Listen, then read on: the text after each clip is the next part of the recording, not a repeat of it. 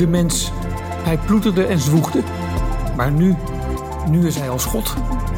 En kan er maar beter goed in worden. Dit is het tijdperk van de mens. Welkom in het Anthropoceen. Welkom terug bij de vernieuwde podcast van Replanet Nederland en ecomodernisme.be. U hoorde een nieuw muziekje, maar de onderwerpen zijn dezelfde. Een schone planeet en een goed leven voor iedereen. Uw gastheer is ook nog dezelfde, ik ben Marco Visser. Maar we hebben dus een andere naam. Welkom in het Anthropoceen. En voor deze eerste uitzending onder onze nieuwe naam praten we met Rob de Schutter. Rob is onze Vlaamse soulmate die met één been in Replanet en met één been in ecomodernisme staat. En dus mag Rob komen uitleggen van waar die naamswijziging. Wat is er mis met ecomodernisme? Wat is Replanet?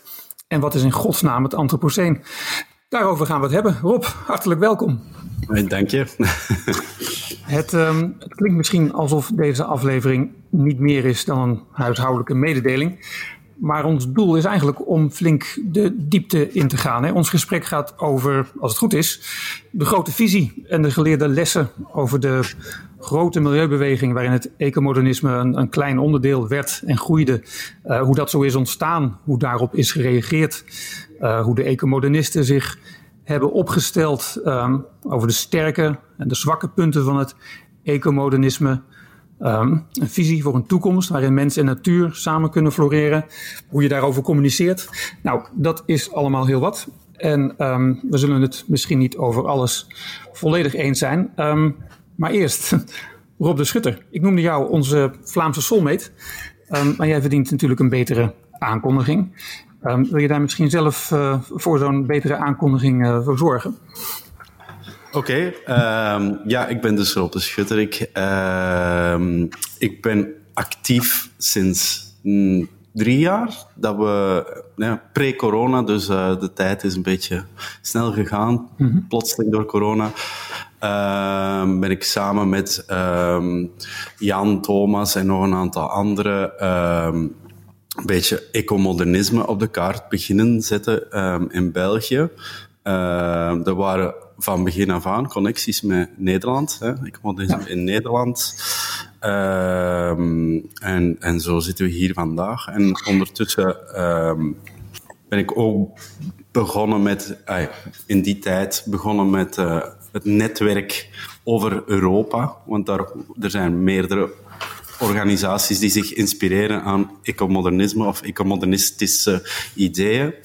Um, want ik vond het belangrijk dat we, ja, aangezien dat we eigenlijk een kleine startende filosofie zijn, beweging zijn, dat we uh, onze krachten samenspannen om, uh, om iets op de kaart te zetten.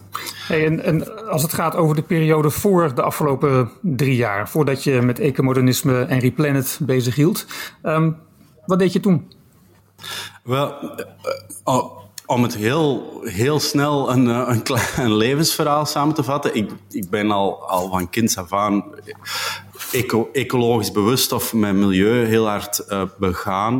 Um, en dat is een beetje een rode draad door in mijn leven geweest, zoekende naar antwoorden en oplossingen. Um, en ik denk dat ik heel lang in die, eh, zoals velen binnen onze beweging, binnen de klassiek groene denken ben gebleven. Uh, maar ik begon toch meer en meer conflict intern te voelen uh, met bepaalde oplossingen die naar voren geschoven worden en bepaalde oplossingen die worden afgeblokt binnen die beweging. Uh, ik werd daar kritisch over. En dan plotseling krijg je het verwijt van ecomodernist te zijn. Dus eigenlijk, de, mijn eerste aanraking met die term was zelfs uh, een belediging. Hè. um, je bent een ecomodernist. Um, op dat moment kende ik die term nog niet en ik begon mijzelf eigenlijk als eco-futurist te noemen, omdat ik ja, het futurisme, eh, zaken zoals Star Trek, mhm. hebben mij ook als kind altijd geïnspireerd, ja. um, waarin dat technologie een heel belangrijke positieve rol heeft uh, om mensen een goed leven te bezorgen. Um, en dan ben ik meer gaan zoeken naar dat ecomodernisme en dat bleek wel heel hard overeen te stemmen met hoe dat ik er naar keek. Ja. Weet je nog, um, Weet je nog wat je had gezegd toen je dat verwijt voor het eerst uh, over je heen kreeg? Een ecomodernist te zijn? Uh, goh, wat ik dan gezegd heb, geen idee. Ik denk dat ik ben, mijn, mijn uh, natuur is om uh, altijd mijn tong drie keer om te draaien, hoor. Dus ik denk niet dat ik veel gezegd zal hebben en eerst gekeken hebben, wat, wat bedoelen ze nu eigenlijk en waar, waar, waar komt dat plotseling vandaan? Ja. Um, dus, dus ik vrees dat ik nog niet zoveel pushback heb gegeven op dat moment. Mm -hmm. Mm -hmm. en, toen, en toen, ging je, toen ging je googlen, wat is ecomodernisme? Mm en ik ga er nu vanuit dat jij het Ecomodernistisch Manifest vond op dat moment. Of misschien de Amerikaanse denktank, de Breakthrough Institute, waar Klopt, die term is gemunt. Is, is, is dat zo?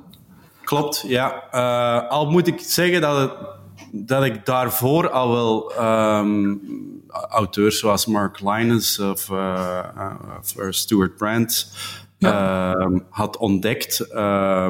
Die ja, zijn ook co-auteurs van het manifest. Volgens mij is Stuart ja, die ook, uh, die ook in, in diezelfde denktrand zitten, maar in die boeken wordt niet verwezen naar een, een nieuw isme, uh, maar gewoon dat denken eigenlijk uitgezet.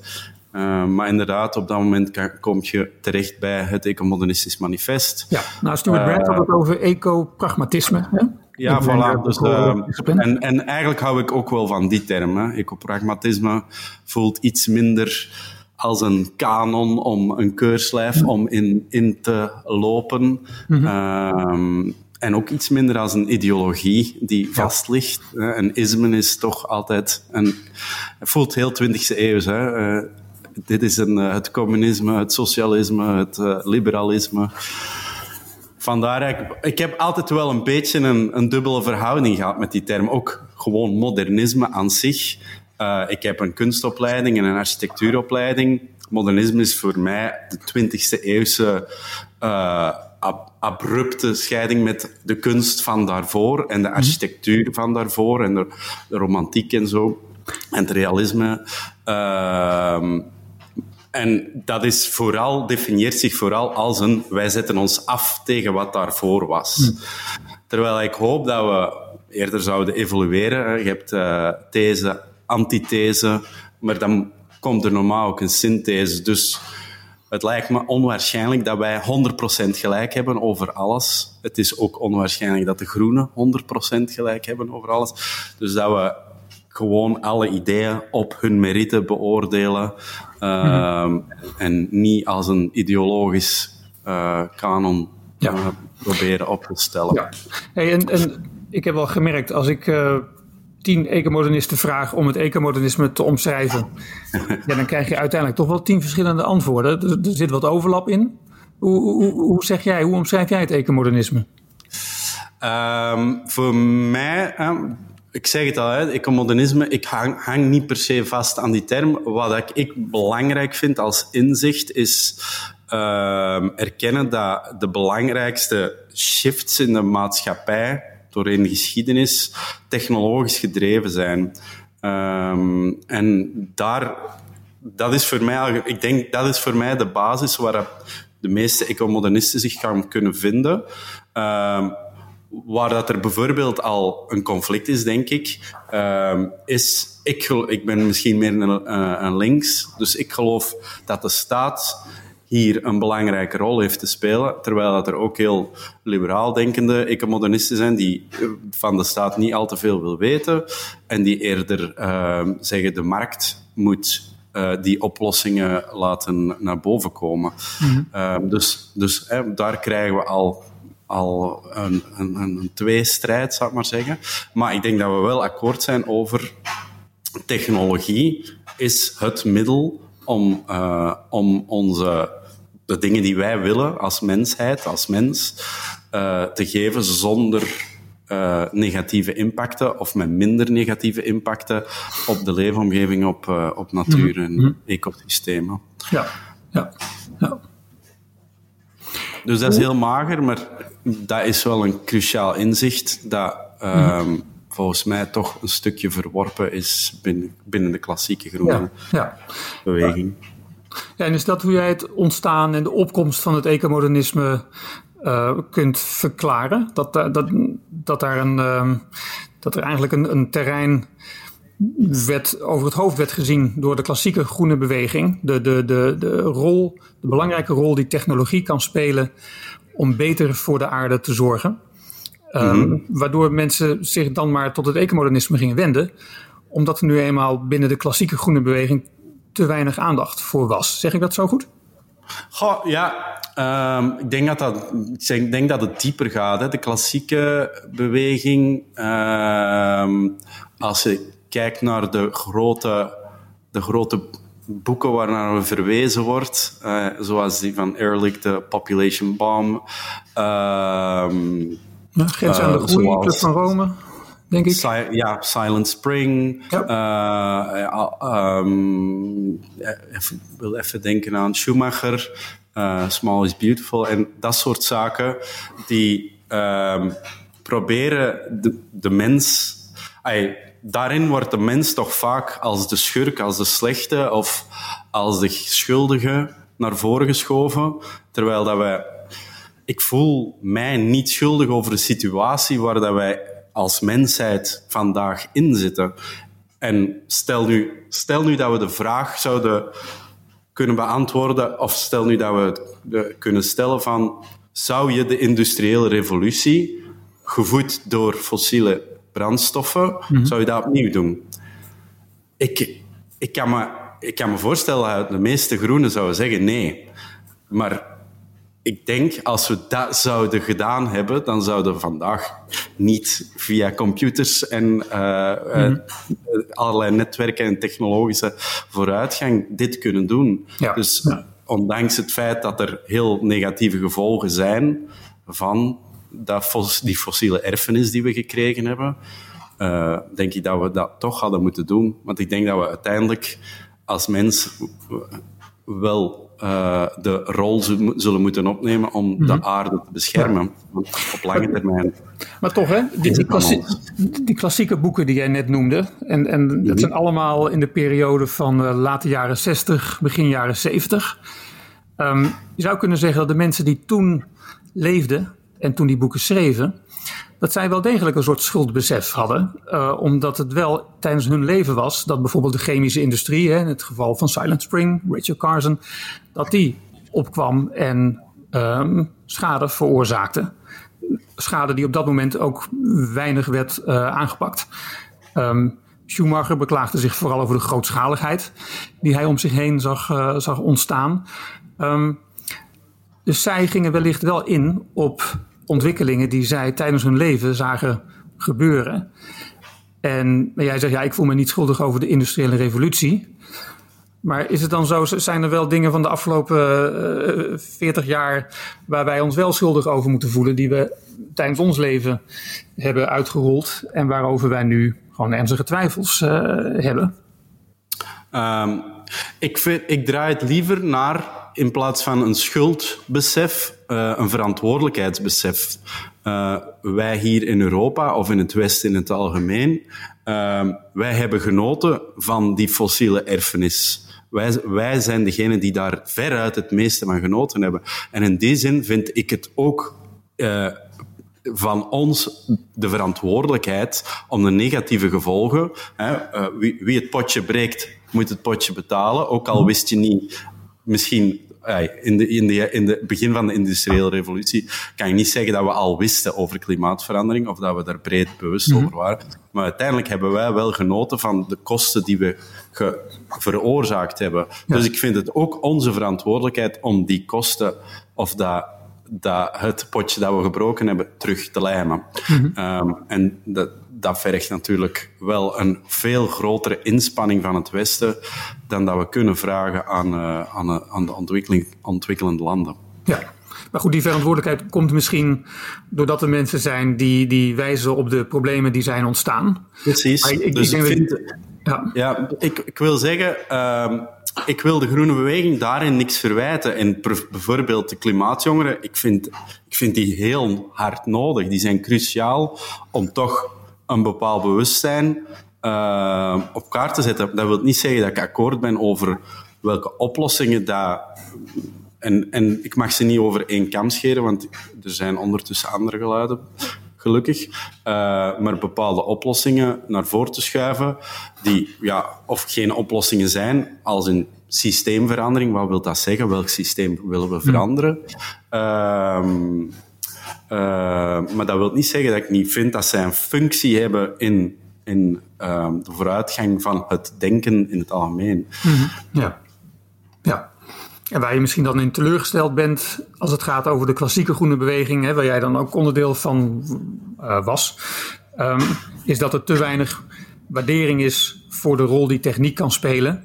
En mhm. daarin zou je kunnen zeggen, is die klassieke groene beweging blijven hangen in de periode waarin het is ontstaan, in die late jaren 60, begin jaren 70. Ja, zeg ik dat juist? Ja. Dus toen kwam het ecomodernisme als een, uh, als een redding, als een reddingsboei. Je kon toch groen blijven en, uh, en, en voor technologie zijn.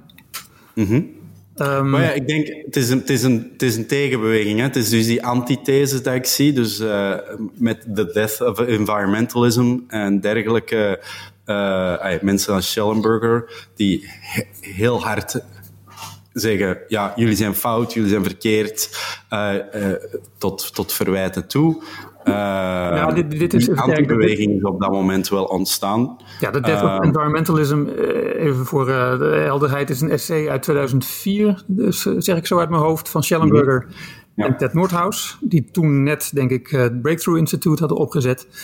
En in dat essay verweten zij de milieubeweging vooral dat ze te weinig oog hebben om er een brede sociale beweging te maken. Omdat uh, te veel mensen aan de uh, onderkant van de samenleving uh, ja, niet, gewoon niet, niet goed aanhaken bij de doelen die worden gesteld vanuit de milieubeweging. En, en, en later, uh, nou, vanuit de Breakthrough Institute zijn ehm, volgens mij hele heldere analyses gemaakt over wat je uh, zou kunnen verbeteren in milieubeleid en klimaatbeleid ook, industriebeleid. En na een afsplitsing, hè, waarbij Schellenberger uh, de Breakthrough Institute heeft verlaten, is Schellenberger wat meer uh, uitgesproken geweest in, in uh, nou ja, kritiek op de milieubeweging. Terwijl de Breakthrough Institute nog altijd volgens mij hele grondige analyses maakt en het ecomodernisme nog altijd verkondigt. Zeker en vast, ja. ja. Dus, dus en, jij ziet het ecomodernisme vooral als een, als een tegenbeweging, zeg je. En, en dat is misschien ook wat jou wat minder aanspreekt, omdat jij misschien niet zo direct jezelf tegen de groene beweging wil keren. Nee, ik zie mij als geëvolueerd vanuit. Hè? Dus het is, het is minder een afzetten voor mij. Het is gewoon een extra inzichten. Er zijn, wat mij betreft, wel waardevolle inzichten. Uh, bijvoorbeeld over de rol van technologie en wat dat, dat, technologie niet per se neutraal is en wel degelijk maar de maatschappij kan vormgeven. Uh, of in een bepaalde richting sturen. Dat is ook waarom dat ze kernenergie niet wouden. Niet alleen omwille van, uh, misschien zelfs eerder niet, omwille van ehm, bijvoorbeeld kernafval of uh, veiligheidsrisico's, maar eerder omdat het de maatschappij in een bepaalde richting duwt. Uh, ik vind het prima om dat te erkennen, maar dat wil voor mij niet zeggen dat ik dat verwerp. -hmm. Ja, ja. Ja, trouwens over die technologie. Um, ik krijg wel eens te horen dat de klassieke milieubeweging helemaal niet tegen technologie is. Ze zijn bijvoorbeeld voor windmolens en zonnepanelen, waterstof. Hè, dat, uh, um, en dat is toch ook technologie. Absoluut, ja. Um, dat klopt technisch gesproken wel, ja. denk ik. Maar uh, het zijn wel technieken van, nou, die, die, die nogal oud zijn en die, en die ook niet heel erg, um, nou ja, voorlopig nog te weinig zoden aan de dijk zetten als serieuze oplossing. Dus mm -hmm. ons wordt wel eens verweten, ons ecomodernisten wordt wel eens verweten om uh, voor de technofix uh, te zijn.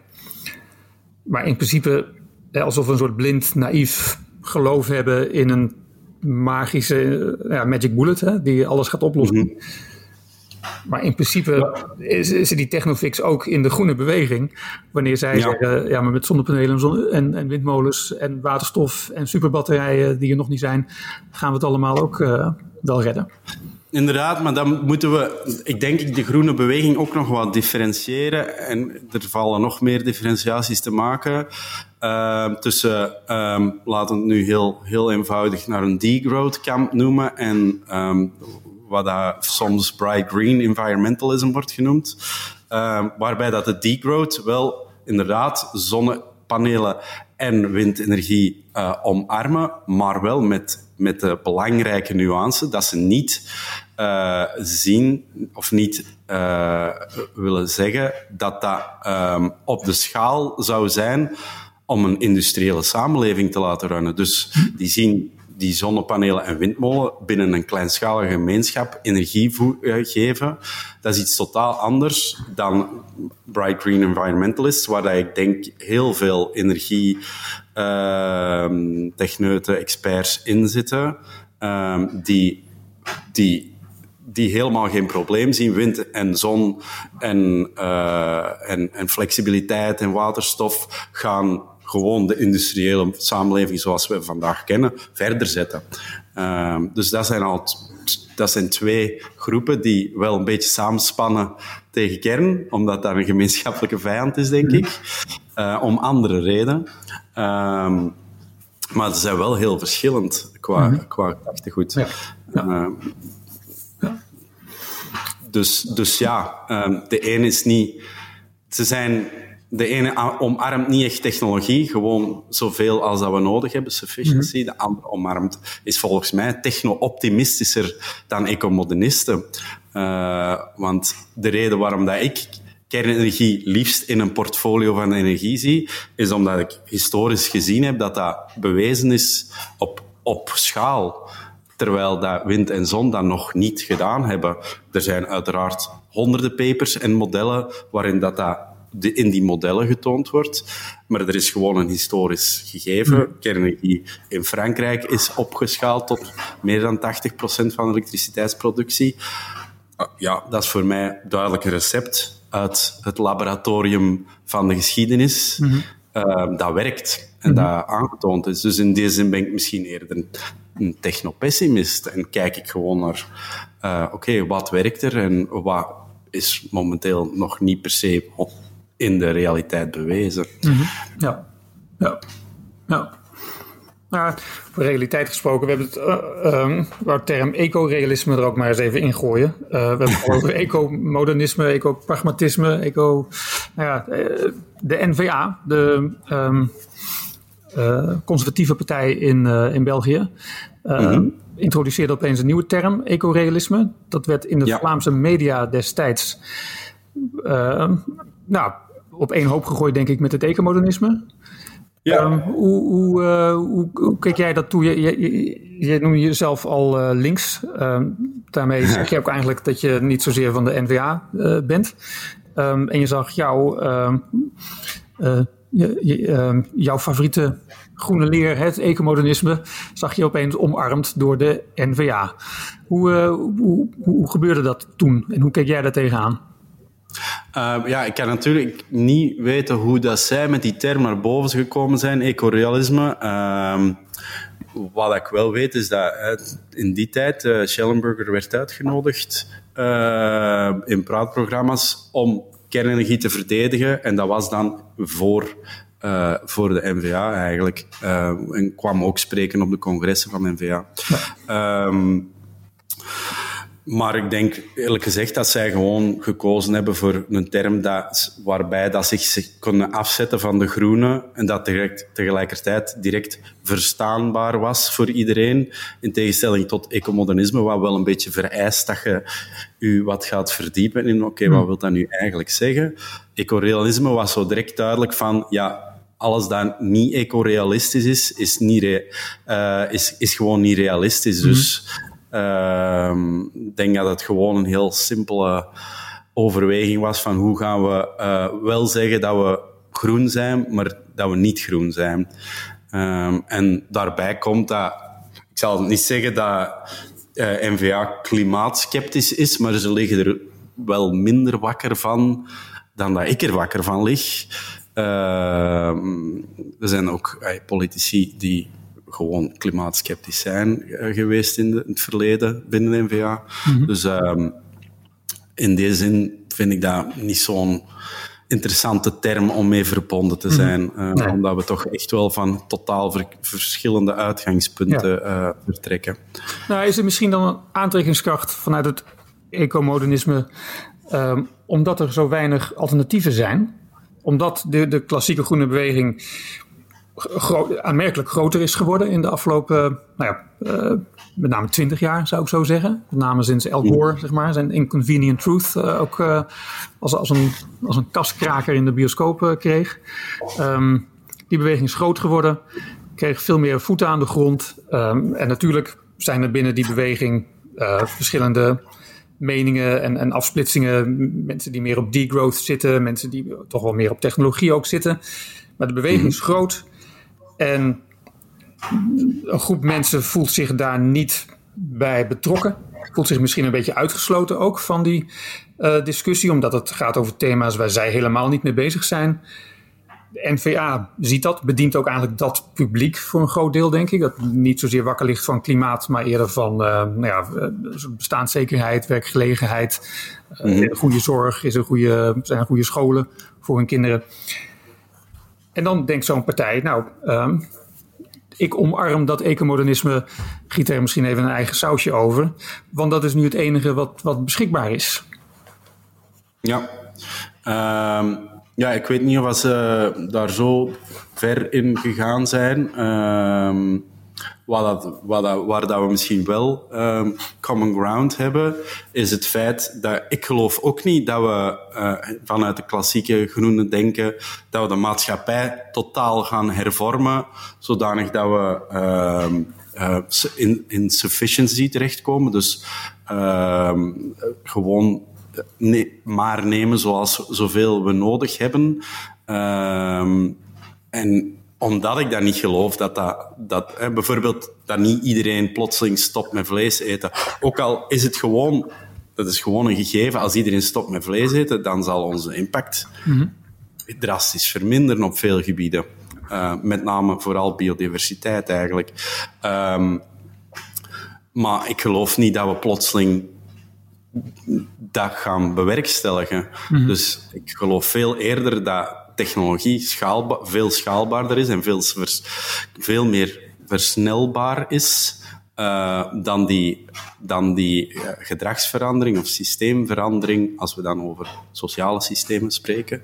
Uh, en in die zin geef ik, als we dat dan op de rechterzijde willen plakken, of over economisch rechterzijde, wel gelijk van ja, het gaat niet het gaat niet vanuit die gedragsverandering zijn dat we plotseling uh, plotseling minder impact gaan hebben. Nee, we gaan gewoon technologische systemen moeten wijzigen. Uh, we gaan niet hmm. plotseling allemaal minder elektriciteit verbruiken, totdat het allemaal te duur is natuurlijk, zoals vandaag. Uh, we kunnen beter koolstofvrij elektriciteit produceren en dan is er geen probleem. Um, dus in die zin ja, is die analyse correct. Um, ik, er, er is geen, er gaat nooit een gigantische consensus in de maatschappij ontstaan, of ik zie die toch niet komen, om plotseling uh, een ecologische revolutie uh, te ontketenen. Hm. Dus dan moeten we naar andere oplossingen kijken die, die dat wel kunnen. En dan, dan kom je bij technologie uit. Hè. Hm. Hm. Ja. Hey, en toen kwam uh, Replanet, een nieuwe Europese organisatie. Sterk geïnspireerd door het ecomodernisme. Je vertelde er net al een beetje over. Uh, jij en ik zijn allebei betrokken geweest bij de aanloop en de oprichting van Replanet. Uh, ja. Waarbij gezegd, uh, jij duidelijk meer dan ik. Um, maar vertel eens, wat is Replanet? Wat doet Replanet? wat is jouw rol daarin? Well, Replanet ehm, komt voort uit dat zoeken naar, een, naar banden over Europa. Ondertussen zij, gaat het zelfs al verder dan Europa. Australië? Uh, ja, bijvoorbeeld Australië. Uh, maar goed, laten we nu even op Europa focussen. Dus uh, als je het voordeel van een kleine groep, en het trouwens het voordeel van corona was, alles moest plotseling online gebeuren. Ehm, dus het was makkelijker of evidenter om mensen aan te spreken en te zeggen, kunnen we een keer meeten, mhm. online uiteraard. Uh, en zo een netwerk te beginnen bouwen uh, over Europa. Uh, zoals we weten is Finland een heel grote ecomodernistische beweging. Ja. Waren er mensen in Duitsland bezig? Ehm, Um, had je Mark Linus in, in de UK um, en mensen in Frankrijk, et cetera. Van oké, wat, kunnen we, wat kunnen we doen samen? Want ja, onze grote hefbomen zijn eigenlijk, in, om het heel, heel samen te ballen, energie en landbouw. Ja, waar worden die hefbomen vooral bepaald? Ja, op het Europese niveau. Um, dus als het volgens, volgens mij en volgens anderen denk ik ook wel noodzakelijk om onze krachten te gaan bundelen en niet alleen op nationaal niveaus kwesties uit te spelen, zoals de kernuitstap proberen te verhinderen hier in mhm. België, of nieuwe centrales op de kaart te krijgen in Nederland, maar ook te, te, focussen op dat Europees niveau. Um, en zo is dat netwerk beginnen samen groeien. Um, en um, aangezien dat we een beetje het, laten, laten zeggen, het advies gekregen van ecomodernisme uh, kan aantrekken, maar kan ook afstoten. Misschien is het toch leuk om eens te denken aan hoe, hoe gaan we dat nu noemen, hè? Die, nieuwe, mm -hmm. die nieuwe beweging. Um, en dan zijn we uiteindelijk uitgekomen bij Replanet, waar ik, waar ik mij volledig in thuis voel. Um, vind mm -hmm. ook veel vrijer en, en, en, en optimistischer dan een isme dat toch uh, wel een bepaald uh, gewicht op mensen duwt. Ja. Ja. Um, dus ja, van, vandaar dat dat um, zo um, ontstaan is. En ja, we zijn, we zijn starting. Hè. Ik, ik, voel me, ik voel me nog altijd onder hoede van een babytje dat, uh, dat echt nog wel geholpen moet worden om, om tot iets echt uit te groeien, tot iets ja, natuurlijk. Ja. ja, want het is een nieuw netwerk van deels bestaande organisaties. Hè? Uh, ja. De organisatie in Nederland was er natuurlijk ook uh, een van. Wij zijn ook van naam veranderd naar Replanet Nederland eind vorig jaar. Ja. Um, en voor een deel zijn het nieuwe organisaties die, die nu ontstaan. Uh, ja. Vaak heel klein. En ja. ja. die moeten allemaal die kunnen allemaal geholpen worden om wat groter te worden, om een beetje te leren en het gebruik te maken van de soort gezamenlijke infrastructuur. Ja, ja inderdaad. En, waarin vind je Replanet anders dan alles wat onder ecomodernisme valt? Um, zoals, ja, ah, wel, dan kom ik terug op die these, synthese, antithese. Ik, ik hoop dat we um, openstaan om onze eigen visie in vraag te stellen, en dat zie ik wel, um, om andere perspectieven ook echt onder de loep te nemen en verder te kijken dan uh, de klassieke van de, het zijn, ja, ik, ga, sorry voor de woorden, maar soms worden, worden die groters idioten of leugenaars of mm -hmm. al die dingen te noemen. Ik, ik, de, dat, dat stoort mij, dat, dat dat soort taal gebruikt wordt. en dat, dat het beschaafder communiceren over... met elkaar. Ja, en dat niet overwogen wordt. Of zelfs, ik denk dat we er moeten vanuit gaan dat we allemaal, alle, allemaal vertrekken vanuit... Wij denken dat dit beter is voor de wereld. Um, en dat er toch common ground is. En dat er te leren valt. Ik, vind, ik ben zelf ook verschoven... Um, bijvoorbeeld over het, het, de vleeseten kwestie die, al, uh, uh, die al aan bod gekomen is. Um, ik, ik vind het wel belangrijk dat we zeggen, um, dat we niet gewoon zomaar zeggen wat, wat bijvoorbeeld Schellenberger wel zou doen. Hè. Vlees eten is geen probleem, dat is een belangrijke bron van proteïne, et cetera, uiteraard. Uh, ik vind het ook wel belangrijk dat we zeggen, ja, als we minder vlees eten, dan is dat wel degelijk goed. Um, en ondertussen kunnen we zoeken naar alternatieven die even aantrekkelijk zijn en hopelijk ook goedkoper zijn, um, die zowel minder impact hebben op biodiversiteit als op dierenleed. Ja, maar dat is een beetje het probleem op dit moment, denk ik, van de huidige vleesvervangers. Dat die nogal een aanslag plegen op het landgebruik. Dus dat een massale overgang van vlees naar de, de, de plantaardige vleesvervangers mm op dit moment in, in, in landgebruik misschien niet altijd zo gunstig uh, uit gaat komen. Oh, dat, dat, dat denk ik niet, eerlijk gezegd. Uh, de huidige vleesvervangers zijn ook gewoon plantaardig gebaseerd. En aangezien dat we uh, ja, dezelfde proteïne niet proberen te creëren door ze door een organisme zoals een koe, een varken of een kip te stoppen, denk ik sowieso dat het qua landgebruik beter uitkomt. We zouden met Replanet waarschijnlijk ook meer zitten op het ontwikkelen van kweekvlees. Juist. kweekvlees, ehm, ja, dat is, wat mij betreft is dat eerder een, een soort moonshot van kweekvlees. Moet, we moeten daar uh, naar, naar op, toe, uh, op zoek gaan, innoveren, investeren. Uh, maar er zijn veel stappen in de tussentijd ehm, die interessanter kunnen zijn en misschien zelfs nog schaalbaarder zouden kunnen zijn. Ehm, bijvoorbeeld en ik zeg het als de zoon van een, van een melkboer eigenlijk. Uh, het is waarschijnlijk veel sneller om kweekmelk of brouwmelk te gaan maken uh, dan dat we aan kweekvlees zijn. Uh, en ook dat zal redelijk disruptief zijn. Hoe, hoe, hoe werkt op op basis van schimmels of zo dan? Um, dus um, ja, door precisiefermentatie, dus een, een, een fermentatieproces waar je biotechnologie gebruikt om gisten of schimmels uh, en, mm. en, en enzymen te gaan wijzigen, gaan die dezelfde proteïne produceren, waardoor dat je eigenlijk bij een moleculair identiek product uitkomt, uh, als bijvoorbeeld melk of, of kippeneiwit. Um, maar met veel minder inputs uh, en potentieel ook op een heel grote mhm. schaal. Ja, ja, maar wel veel energie waarschijnlijk. Dus een energieverslindend proces waarschijnlijk. Maar ja, wel, ja, uh, landverbruik. Uh, wel, maar misschien is dat iets, iets fundamenteel uh, ecomodernistisch, om het zo maar te zeggen, is erkennen dat energie heel erg nodig is om de schade die we berokkenen om te keren of om nieuwe processen die nodig zijn mogelijk te maken. Um, pak nu waterstof. Ja, vergt ontzettend veel energie om te maken, mm-hmm. maar het kan wel gas uh, vervangen in industriële processen. om om, om kunstmest en zo te maken, mm-hmm. bijvoorbeeld. Mm-hmm.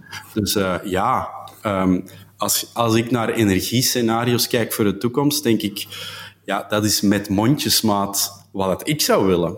Ik zou veel meer energie willen om, om de, de, het potje dat we gebroken hebben um, terug te lijmen. En daarvoor heb je juist nog veel meer energie nodig. Als je mhm. het, de, de wetten van de thermodynamica zeggen van je, uh, je hebt meer energie nodig om een toestand om te keren dan, dat het, om, dan om ze te veroorzaken, om het heel simpel even te zeggen. Uh, ja, wel. Eigenlijk, als we alle energie die we als mensheid geproduceerd hebben doorheen de industriële evolutie, eigenlijk moeten we meer dan dubbel dan dat minstens gaan mm um, produceren om de negatieve dingen die we veroorzaakt hebben om te keren. Uh, of om bijvoorbeeld um, materiaalgebruik circulair te maken. Uh, het, is, het, is, veel eenvoudiger om van olieplastic te maken dan van reeds plastic nog eens plastic te mhm, maken. Mm um, dus ja, energie is, uh, ja. ja. is essentieel juist om om uh, onze situatie te gaan verbeteren. En, en, en Replanet wil zich denk ik vooral positioneren als een, nou ja, op het snijvlak van een denktank en een actiegroep. Zeg ik dat juist? dus ja, als ja, denktank willen we toch vooral ook de intellectuele voorhoede zijn, zeg maar, van een, ja, de, onze stroming binnen de groene beweging. Met, met originele ideeën, met, met, met rapporten, uh, met, met, ja, met een visionaire hè, uh, een toekomstvisie. Ja. En als actiegroep willen we ons ook bewegen op straat tussen de mensen en ook tussen de andere groene activisten. Om, uh, om ons punt ook uh, over te brengen op een, op, op een straatniveau. Klopt, ja. Um, waar, ik, waar het mijn uh, als ik denktank hoor, dan, dan denk ik ook direct bijvoorbeeld aan de Breakthrough Institute, maar, uh, of het Internationaal Energieagentschap. Uh, dat, zijn, dat zijn zeer waardevolle instituten, uh, maar ik denk dat onze rol toch meer is om te trekken, om een kader, te, om een visie te verschuiven, waarbij we bijvoorbeeld uh, organisaties zoals Greenpeace dat hebben kunnen doen om, om, uh, om beleid uh, in anti-nucleaire richting te trekken. moeten wij dat in een andere richting trekken. Dus moeten we wel wat voortvarender zijn dan, uh, dan gewoon analyses maken van kijk, dit is mogelijk. Mm nee, ja, wij willen wel dingen. Uh, pak nu, als je naar IPCC-scenario's kijkt van overshoot en dan uh, terug naar beneden komt, ja, daar staan veel backs in, in sommige scenario's. Dus bioenergy, um, carbon and sequestration, uh, carbon capture and sequestration. Ja, ik ben daar geen voorstander van, omdat dat uh, wel een nadelige impact gaat hebben op die biodiversiteit. Dus ik verkies daar andere technologische middelen. Uh, maar dat is, dat is omdat ik een bepaalde keuze maak voor de toekomst. -hmm. Um, en een denktank is, staat er vaak wat neutraler in. Uh, ik wil echt wel uh, ja. natuur bevrijden van menselijke invloed. ik wil echt wel zorgen dat heel de mensheid toegang heeft tot een, een grote welvaart, beginnende bij energie. Dus, um, en, en waar dat sommige denktanken gewoon extrapoleren van we gebruiken zoveel energie, uh, als die uh, dat ook gaan doen, waar komen we dan uit? Wil ja. ik nog veel verder gaan? Um, ja. Wil ik klimaat niet alleen stabiliseren, maar, maar terugbrengen? Um, ik geloof dat dat mm. mogelijk is. Ja, ja, ja. Dus Replanet, meer gericht ook op acties. Um, jij was, ja, dat weer een tijdje geleden, denk ik, in, in Groonde bij um, de kerncentrale in Duitsland. Yes. Die toen, was die toen al gesloten? Ja, ja, ja. Ver, vertel eens, wat, wat, was de actie? Wat deed je daar? Um, ja, we hadden gewoon wat bewustmaking uh, rond het feit, uh, en ondertussen zijn we daar wel acuut bewust van, denk ik allemaal, rond het feit dat er in Duitsland kolencentrales uh, runnende blij, in de running bleven, ondertussen heropend worden en terug opgeschaald. en dat er daar wel kerncentrales, ehm, drie in dat jaar en vorig jaar afgesloten werden. En in principe dit jaar ook nog eens drie. En dat is nog altijd zo. Het is niet omdat ze in reserve blijven dat ze niet gewoon dichtgaan. Hm. Um, dat we ja, de absurditeit daarvan wouden aankaarten. Uh, dat wouden doen door een actie. Uh, Greenpeace is, is uh, heeft ook al acties gedaan aan gronden met projecties. Dus wij wouden symbolisch een tegenactie doen om, uh, om een ander geluid te laten horen. Um, want de, er zijn altijd consequenties van bepaalde paden uitsluiten. En mm -hmm. de consequentie vandaag is dat uh, um, Duitsland veel meer kolen weer op het grid heeft. En ja. Europeanen vergiftigt. Ja. Uh, wat, en ons wat, meer wat was de projectie? Uh, uh, we hebben projecties gedaan. Wij, uh, dat was in het kader van de toen net gelanceerde uh, invasie van Rusland in Oekraïne. Ehm, dus wij hebben Zelensky geprojecteerd, die eigenlijk aan het Westen oproept ehm, om, uh, ja, om meer actie te ondernemen uh, we hebben Poetin geprojecteerd, die uiteraard blij is. Hè, hoe meer uh, bronnen dat wij afsluiten, hoe, hoe meer dat we afhankelijk zijn van ja. Russisch gas. Uh, dus dat zijn de zaken die wij geprojecteerd mm -hmm. hebben. Ja. Ja. ja. met de invasie van, uh, van Oekraïne bleek eigenlijk dat een aantal actiepunten waar wij toch al mee bezig wilden gaan met, met uh, Replanet, dat die in een soort stroomversnelling kwamen vanwege uh, de gebeurtenissen in Oekraïne. Mm -hmm. ja, dus um, inderdaad, uh, het, het, behouden en, en zelfs uitbreiden van kernenergie in Europa was daar natuurlijk één van. Dat gaf ons niet alleen, dat, dat geeft ons niet alleen mogelijkheid om uh, CO2-vrije energie te produceren, maar ook om onafhankelijker te worden van Rusland. En dat is een, een punt dat toch in de afgelopen maanden natuurlijk eigenlijk veel belangrijker blijkt te zijn dan, dan klimaat. Want opeens lijkt er toch wel wat te verschuiven in de politiek. In België mm-hmm. is daar natuurlijk ook een voorbeeld van, waarin toch twee kernreactoren uh, langer open mogen blijven dan, uh, dan oorspronkelijk was, uh, was vastgesteld. Um, maar ook wanneer het gaat over landbouw, heeft Poetin toch ook, ja, die invasie heeft duidelijk gemaakt dat wij ook veel um, graan en mais, denk ik, uit, uit het oosten halen. Ehm, dat ook wel weer trouwens natuurlijk voor een groot deel naar, naar Afrika gaat. Maar goed, we hebben dus te maken met een energiecrisis en een voedselcrisis. Mm met Replanet hebben we ook een rapport gemaakt over landbouw. Naar aanleiding van uh, onze Switch-off Putin-campagne. Um, door bijvoorbeeld ook te praten over biomassa. Te veel land wordt nu gebruikt eigenlijk voor biobrandstoffen. Ja, dat is doodzonde wanneer je te maken hebt met een, met een voedselcrisis.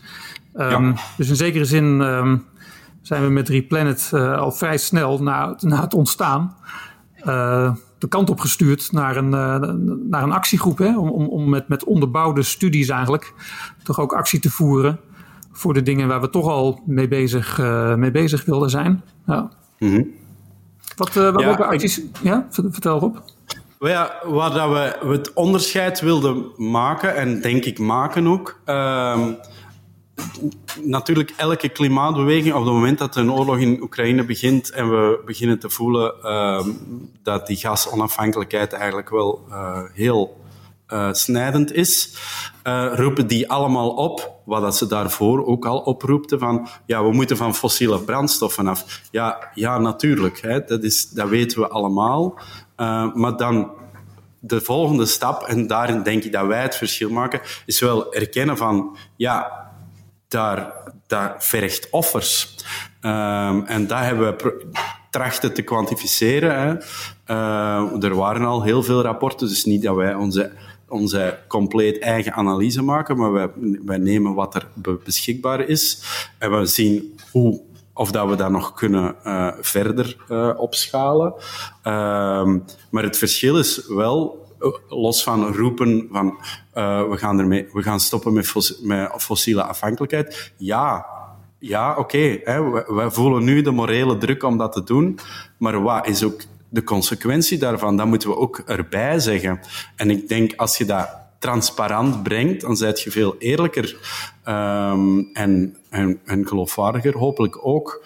Um, dat wil, dus ik denk dat dat belangrijk is, dat we ja, dat we laten zien van oké, okay, als we die kant op willen, moeten, dan zijn dit de offers die dat mm -hmm. vergt. Ja. Um, dus dat was het verschil. Ja, ja. Welke acties kunnen we nog meer verwachten van uh, Replanet? Um, ja, we denken in de lijn van, um, we, we, ja, zoals je zelf al zegt, hè, het gaat voor ons eerder over bijna denkactivisme of um, een nieuwe gedachten proberen in de wereld te ja. zetten. Dus we, we denken in de lijn van campagnes. Ja, energie ligt op de tafel, uiteraard. Ik denk dat het heel belangrijk is om de kwestie rond kernenergie, uh, het, wat altijd, ja, maar um, what about the waste? Dat we dan een keer echt uh, het over hebben van, um, want ik denk dat wij allemaal binnen, binnen onze beweging onze schouders ophalen van ja, sorry, maar dat is eigenlijk in, in the scheme of things, hè, als, we, als we echt naar alles kijken, de mhm. problemen die op ons afkomen, geen probleem. In tegendeel, het zou zelfs een opportuniteit kunnen zijn. Um, dus dat, zou, dat is een, een, een, campagne die we in de wereld zouden kunnen zetten. Een andere is rond voeding. Hè, we hebben het al over kweekvlees gehad. Uh, er zijn veel technologieën die we in de landbouw zouden willen zien uh, opkomen op schalen. Um, in landbouw of voedselproductie is algemeen, ik denk dat dat beter is. Zoals uh, genetische veredeling, precisielandbouw, dus het beter gaan beheren van kunstmest en pesticiden toepassing. proteïneproductie op andere wijze dan uh, dan het huidige uh, industrieel uh, dierenmodel. Um, bijvoorbeeld precisiefermentatie heb ik daar straks vermeld, om zaken zoals melk te maken. Mm -hmm. Maar precisiefermentatie, heel hoog technologisch, biotechnologisch proces, maar maar zoveel mogelijkheden. Oh, er wordt koffie geproduceerd door precisiefermentatie. Er wordt palmolie geproduceerd door precisiefermentatie. Allemaal in kleine schaal momenteel. Maar je moet je voorstellen wat, wat de mogelijkheden gaan zijn qua uh, minder landgebruik. Um, als we die technologieën uh, ontketenen. Um, dus, dus we willen dat echt wel op de kaart zetten. Uh, Wauw die mogelijkheden, daar moeten we echt met volle kracht op inzetten. Ja. ja. Ehm, Studio Ecomodernisme is dus uh, niet meer. Wij komen toch wat los van een, van, een, van een isme. Um, welkom in het Anthropoceen. Zijn wij nu, bij deze podcast. Ja. Rob, ja. Wat, wat, is het Anthropoceen? Het Anthropoceen, um, ik, ga, ik, zal mijn eigen definitie maar geven. Hè. We zijn in het, in het tijdperk gekomen dat de impact van de mens uh, op geologische schaal is. Dus over uh, honderdduizenden jaren, stel dat we niet meer bestaan, dan nog zal, zal je uh, een plastic laag ontdekken in alle la, uh, geologische lagen. Mm -hmm. tenzij dat we die opkuisen natuurlijk in de komende 100, 200 jaar. Um, dus ja, wij zijn ondertussen van zo'n grote invloed op planet, het planetaire systeem dat we, dat we niet meer te ontkennen zijn. Um, en ik denk dat we ja, dat moeten um, vastgrijpen. Dat is niet goed of slecht. Dus het antropoceen is ingegaan, maar wij moeten zelf wel de richting nog bepalen. Mm. Um, en ik hoop dat we dat um, gaan goed maken, een goed antropoceen. Dus welkom in het antropoceen vind ik een beetje een tweesnijdend en dat is goed uh, als titel. Namelijk, ja, de, we moeten eerst beseffen dat we daar zijn aangekomen. Mm -hmm. Want er zijn nog altijd mensen die ontkennen van ja, de mens kan toch geen invloed hebben op de aarde op zo'n groot niveau. Jawel, we hebben dat. En uh, mm -hmm. nu komt het erop aan van daar bewust van te worden en wijzer te worden, zodat dat we daar een goed antropoceen van maken. En niet alleen voor de antropo's, niet alleen voor de mensen, maar ook voor alle levende uh, wezens op aarde. Ja, het is eigenlijk een heel spannend moment. Hè? Je, je, wij maken het uh, toch maar mooi mee dat wij gewoon naar een volledig nieuw geologisch tijdvak gaan. Mm -hmm. Tijdvakken duren nogal lang. Uh, geologen beslaan lange, lange periodes. Maar wij zitten hier in een, in een overgang. En wij hebben de ja. opdracht om er, uh, om er wat moois van, uh, van te maken. Ja, ja heel, heel spannend. Uh, dat kan ik wel toe, toegeven. Uh, ik, uh, ik, ja, in, de jaren, in mijn twintiger jaren was het iets te veel spanning. Maar ondertussen, door te focussen op andere dingen, door te focussen op oplossingen, is dat mm -hmm. een positieve spanning geworden. Maar ik denk voor serieus? Heb je last gehad, last gehad van wat ze tegenwoordig volgens mij ecodepressie noemen? Absoluut, ja. Oh, ja. Zeker en vast. Maar hoe, dus, hoe uitte zich dat dan? Hoe uitte zich dat dan? Ja, donkere gedachten, hè. Uh, donker denken over mensheid ook. Hè. Mm -hmm. dat, dat, is ook een uiting daarvan. Um, en, en gewoon, er, gewoon het gevoel hebben dat alles gaat instorten. Um, dat je moet wapenen tegen, tegen de instorting van de samenleving. Ja, niet zo positieve dingen allemaal. Hè. Uh, in het algemeen het gevoel van verlies. Mm -hmm. uh, en en ik heb, ik, dat is nog altijd aanwezig in mij, hè, dus ik kan dat niet ontkennen. Maar opnieuw, door te focussen op van, oké, okay, we gaan dit moeten oplossen, dus we zullen het oplossen, heb ik daar wel iets positiefs van gemaakt voor mezelf. Mm -hmm. Ja. Ja. Moet hoor. um, dan, ik, ik, moet het vragen, de, de, de wasmachine. Het, uh, het beeldmerk van deze podcast um, is een, een, een, reeks met wasmachines. Als een soort uh, warholachtige formatie. Um, mm -hmm. Zo begonnen we met de wasmachine. Um, nou ben jij ook grafisch ontwerper. ja. Waarom, waarom de wasmachine? Dus ik heb, ja, ik heb dat gemaakt, die cover art. Um, wel, zijn twee kanten. Inderdaad, je verwijst naar uh, Warhol, hè, dus de pop art.